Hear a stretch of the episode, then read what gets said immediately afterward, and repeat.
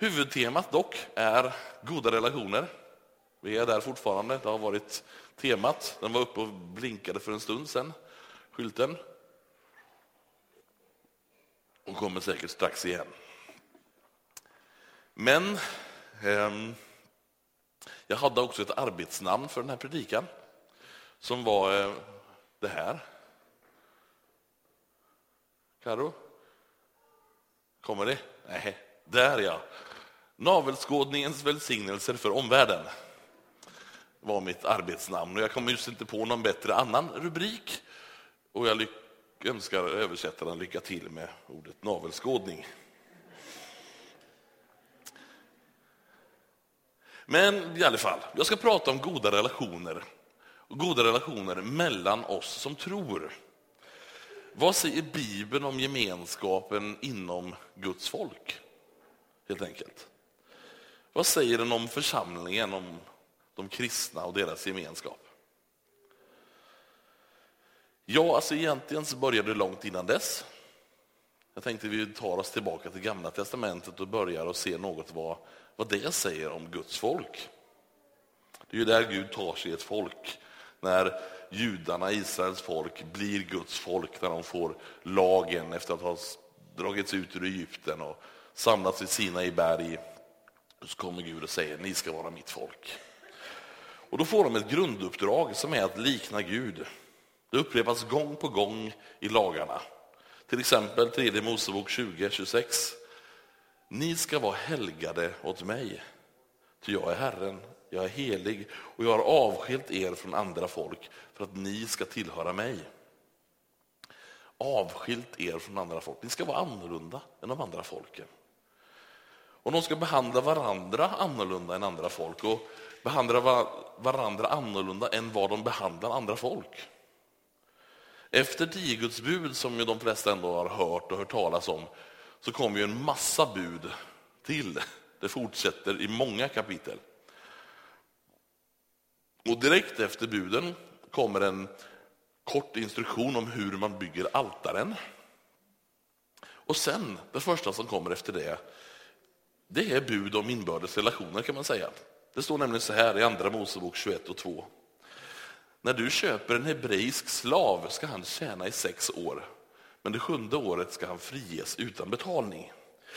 Och idag hoppar vi över hela frågan om slaveri och huruvida Bibeln tycker det är bra eller dåligt. Vi nöjer oss med att konstatera att det var andra tider då. Eh, att ordet för slav och ordet för tjänare i både hebreiska och grekiska som Bibeln skrivit på är samma ord. Och att det på den här tiden egentligen inte fanns någon så att säga, arbetarklass i samhället. Allt manuellt arbete, allt som vanligt blåkragejobb utfördes faktiskt av slavar. Så såg samhället ut helt enkelt. Och eh, än så länge så försökte inte Bibeln ändra på det heller. Vad som är intressant är att en hebreisk slav, alltså han skulle inte behandlas som andra slavar. Om någon ur det egna folket kom med sådana ekonomiska bekymmer att han var tvungen att säljas som slav, då skulle han friges efter sju år. Det skulle inte vara ett permanent tillstånd. Slavar från andra folk, de kunde man behålla. Men slavar från det egna folket, tjänare som hade sålt sig så att säga till en broder, ja, de var tvungna att friges efter sju år. Så mitt i en historia i Gamla testamentet där det finns mycket blod och våld och saker vi inte förstår, som inte verkar så humana kanske, så finns det här plötsligt ganska oväntade humana inslaget, där det börjar med varandra. Sen behöver du bara läsa något kapitel ner så står det om ansvar för främlingen som finns ibland och så vidare. Men det börjar med en sorts inbördes omtanke som sen då på något sätt spiller över på omgivningen. Och du har budet älska din nästa som dig själv en bit ner också. Men runt Jesu tid så tolkades generellt sett det budet som att älska nästan som sig själv. Ja, det betyder att älska den som var ungefär som jag. Det betyder att älska min broder i första hand. Älska andra judar alltså för dem då. Det var min judiske broder som jag kunde identifiera mig med, som jag kände och kände igen mig i. Den skulle jag älska som mig själv. Och någonstans så gör inte Jesus, till att börja med i alla fall, något särskilt stort uppror mot den tolkningen eller mot det sätt de tänkte och såg på andra folk. Vi ser exempel i Matteus 10, vers 5-6. Han skickar ut sina lärjungar att evangelisera, berätta budskapet om honom, om riket och sa Ta inte vägen till hedningarna och gå inte in i någon samarisk stad. Gå istället till de förlorade fåren i Israels folk. Era egna bröder, de ska ni börja med. Dit ska ni gå först. Och han gör det här i så pass hög grad att bläddrar du fram fem kapitel så stöter du på en kvinna som är kananeiska, alltså en som bor i landet men inte är del av Guds folk. Då. Hon, hon vill ha hjälp med sin sjuka dotter. Hon följer efter Jesus, ropar och säger hjälp mig. Och så står det så här i vers 24, Matteus 15.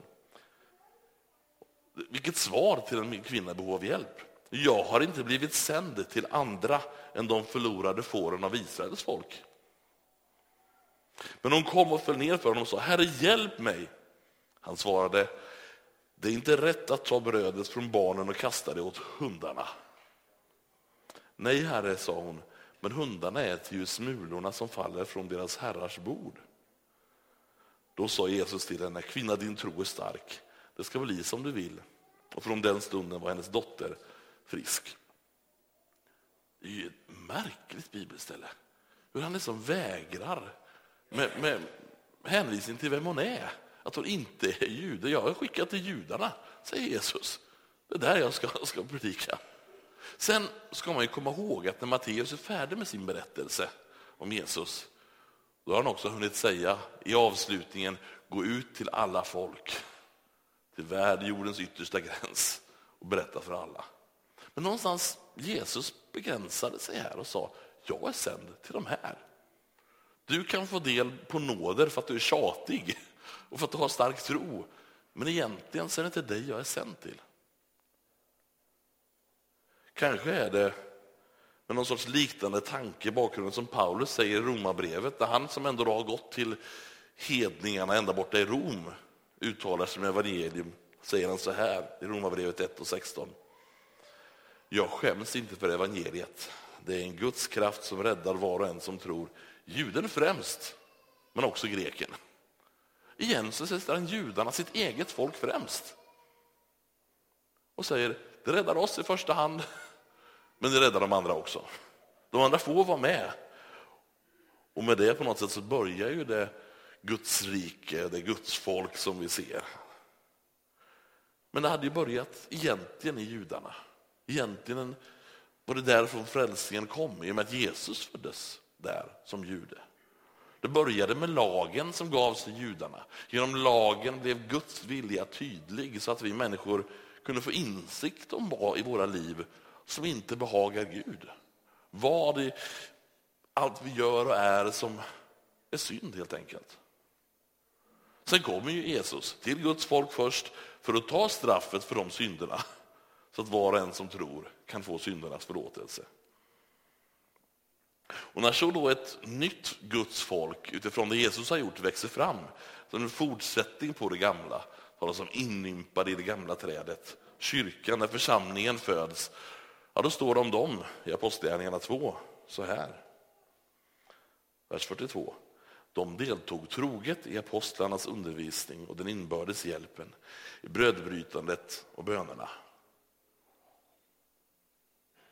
Den inbördes hjälpen, så det. Hjälpen alltså till de som var med i gänget. Ordet är egentligen koinonia.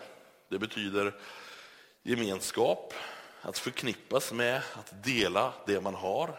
Deltagande, närhet, intimitet, att vara riktigt, riktigt nära. Alla deltog i en gemenskap, en praktisk gemenskap som var handling, inte bara ord. Men det står om den som att den gemenskapen gällde de som var med i gemenskapen. Hjälpen gällde de som var med i gemenskapen. Strax efter så står det om hur man sålde allt man ägde och hade och delade med sig och hade allt gemensamt och delade ut, står det, åt alla efter vars och ens behov. Men kollar du det där i bibelkommentarerna och forskarna så menar, jag ska inte säga alla, men väldigt många i alla fall, att det i första hand gällde alla som var med i gemenskapen. Det var de som var med i, i, i Guds folk, de som var med på vägen, som fick del av den där i första hand. Sen fick omgivningen del också kanske. Det talas sen också när vi kommer in i alla breven som beskriver den tidiga kyrkan där gång på gång om en särskild insamling till de kristna i Jerusalem. Både korinter och romare och galater i alla fall uppmanas att ge. Man anar att det finns en överenskommelse om att men, ni ska ge till de fattiga i Jerusalem. Och det är fastän det säkert fanns fattiga både i Rom och Korint och Galatien att ge till. Ändå skulle de ge till de kristna i Jerusalem. Och Det finns gott om annat också som gällde bara inom gemenskapen, men inte i relation till omvärlden. Romarbrevet 12 och 10. Visa varandra tillgivenhet och broderlig kärlek. Överträffa varandra i ömsesidig aktning. Visa det gentemot varandra. Alltså ni som läser det här, ni som hör det här, ni som är del av församlingen i Rom. Ni ska visa varandra tillgivenhet. Ni ska tävla i att i ömsesidig aktning. Det står på ett antal ställen om hälsa varandra med en helig kyss. Det står inte pussa på alla ni hälsar på, men det står hälsa era bröder, era trossyskon på ett särskilt kärleksfullt sätt. Eller Efesierbrevet 4, 32. Var goda mot varandra, visa medkänsla och förlåt varandra, liksom Gud har förlåtit er i Kristus. Här anspelar han på att det bör alltså finnas en särskild medkänsla, en särskild förlåtelse mellan de som själva har blivit förlåtna. Som därför har en högre standard, en högre vilja till förlåtelse, medkänsla. Eller som Johannes uttrycker i sitt första brev, tredje kapitlet. Detta är budskapet som ni har hört allt från början, att vi ska älska varandra. Genom att Jesus gav sitt liv för oss har vi lärt känna kärleken. Också vi är skyldiga att ge vårt liv för bröderna. Om någon som har vad han behöver här i världen ser sin broder lida nöd men stänger sitt hjärta för honom, hur kan då Guds kärlek förbli i honom? Budskapet till oss som tror har från början varit vi ska älska varandra. Vi ska vara villiga att dö för varandra. Det står inte här att vi är skyldiga att dö för vem som helst, men det står att när det gäller bröderna, det vill säga alla de andra som tror, då är det en skyldighet att vara villig att dö för den. Och ser vi en broder, alltså någon av de andra som tror, som lider nöd och stänger vårt hjärta, då förblir inte Guds kärlek i oss. Då slänger vi liksom ut den genom att inte älska vår broder. Och nu kliar en del av er i huvudet och undrar vart, vart är pastorn på väg med det här? Vad är det jag vill ha sagt egentligen? Har, ha, har jag glömt den barmhärtige samarien? Berättelsen om främlingen, mannen ur fiendefolket som stannar och hjälper juden. Berättelsen som berättas som ett svar på frågan, vem är min nästa? Ställd precis utifrån det där perspektivet som jag sa. Där man hade tanken att min nästa, det är den som är ungefär som jag. Det är min broder, det är honom jag ska ta vara på.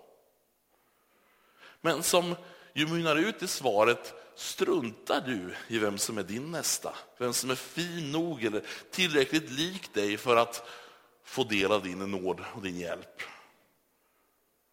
Var själv en nästa, och det mot alla.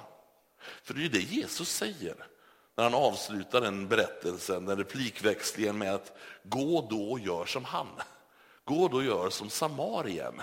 Killen ur fiendefolket är plötsligt förebilden för att han älskar bortom gränserna för sitt folk. Eller har jag glömt berättelsen om fåren och getterna som kommer inför tronen och ska dömas? Och de som frikänns i domen, det är fåren, de som har brytt sig om, de som har sett och hjälpt de små, de fattiga, de hungriga, de nakna, fängelsekunderna. Det verkar som det inte bara är de fromma med andra ord. Nej, jag har inte missat att Jesus kom och gör upp med sin samtidsattityd om att bara hjälpa och se de värdiga, de som är ungefär som jag.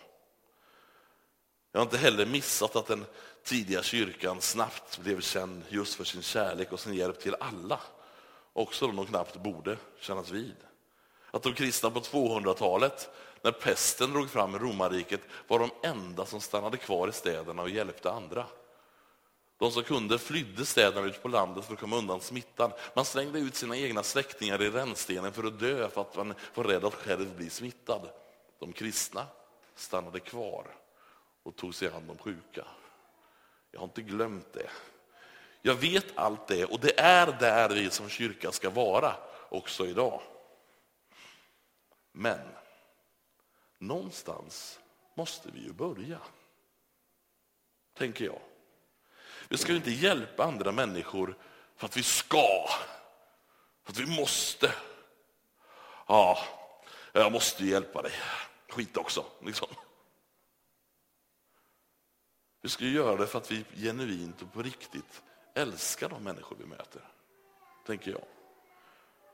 Och kärleken till medmänniskan i betydelsen vem som helst kanske börjar i kärleken till brodern, den som är som mig.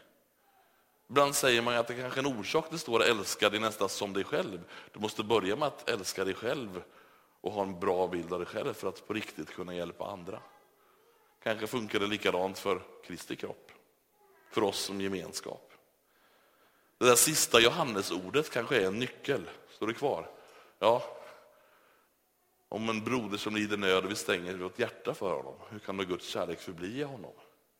Kanske är nyckeln till att ha Guds kärlek kvar i sitt hjärta är just att hjälpa sin broder.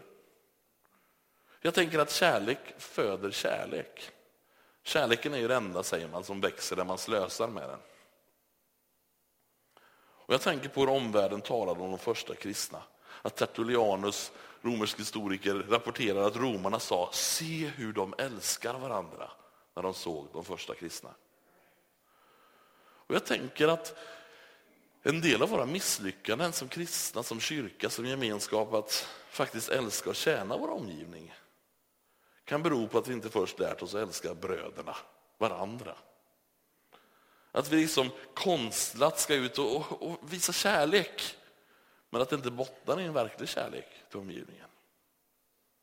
Tänk dig så här, för att ta en bild. Tänk dig en familj på din gata, som du ser ganska ofta. Och som helt enkelt inte verkar trivas tillsammans.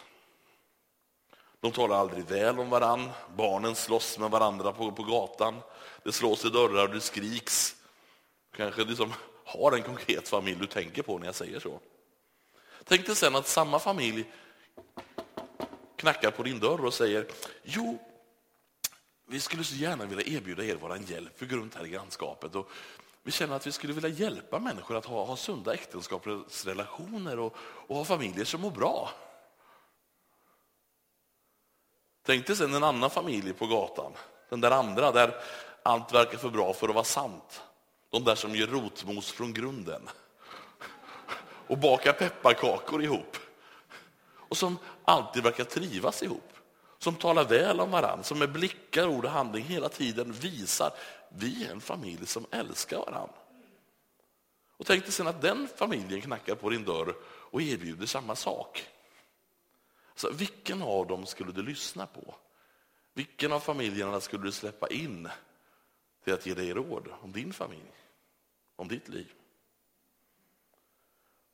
Om vi som säger att vi tjänar en Gud som är kärlek, oerhört radikal formulering, inte själva kan älska varandra, hur ska vi då kunna älska omvärlden? Om vi inte kan visa kärlek till varandra, hur ska vi då på ett naturligt sätt kunna visa kärlek till människor som inte tror? Jag tror att församlingen, kroppen, kyrkan, ja, den ska vara en kärleksverkstad. Den ska vara en, en plats där vi liksom kan öva oss i att älska. Där vi som insett vår synd, hur mycket vi själva har fått förlåtet, övar oss i att förlåta. Där vi i en varm gemenskap kan öva oss i att släppa in, i att visa svaghet, i att vara sårbara för människor som vi vet vi kan lita på därför att de är våra syskon och gör samma sak för oss. Där vi ser till att älska i handling Där vi ser till att ingen broder går utan vad hen behöver. Där kärleken, där tacksamheten, där ödmjukheten, där villigheten att tjäna växer. Och sedan naturligt bubblar över i kärlek, i tjänst, i förlåtelse, förvandling och frälsning för världen runt omkring. Du vet en atmosfär som inte går att missa, som det börjar talas om. När människor säger, alltså se hur de älskar varandra. Alltså tänk om jag ändå var med i Pingstkyrkan i Borås. Alltså det vore ju drömmen. Tänk om folk gick och sa så till varandra. Wow, där skulle man ju vara, vara med. Så skulle man ha det som de har det. Se hur de älskar varandra. En gemenskap som låter för bra för att vara sann, men inte är det. Det vore väl något. Och jag tror att den, liksom all annan kärlek, bär frukt i ännu mer. Och nytt liv, nya människor och en kärlek som ger ringar på vattnet ute i ett samhälle också. Men någonstans måste det ju börja. Vi läser till sist Johannes, kärlekens apostels ord ifrån hans första brev, fjärde kapitlet från vers 7. Mina kära, låt oss älska varandra. Ty kärleken kommer från Gud. Och den som älskar är född av Gud och känner Gud. Men den som inte älskar känner inte Gud eftersom Gud är kärlek. Så uppenbarades Guds kärlek hos oss att han sände sin son till världen för att vi skulle få liv genom honom. Detta är kärleken, inte att vi har älskat Gud, utan att han har älskat oss och sänt sin son som försoningsoffer för våra synder. Mina kära, om Gud har älskat oss så måste också vi älska varandra. Ingen har någonsin sett Gud, men om vi älskar varandra är Gud alltid i oss och hans kärlek har nått sin fullhet i oss. Amen.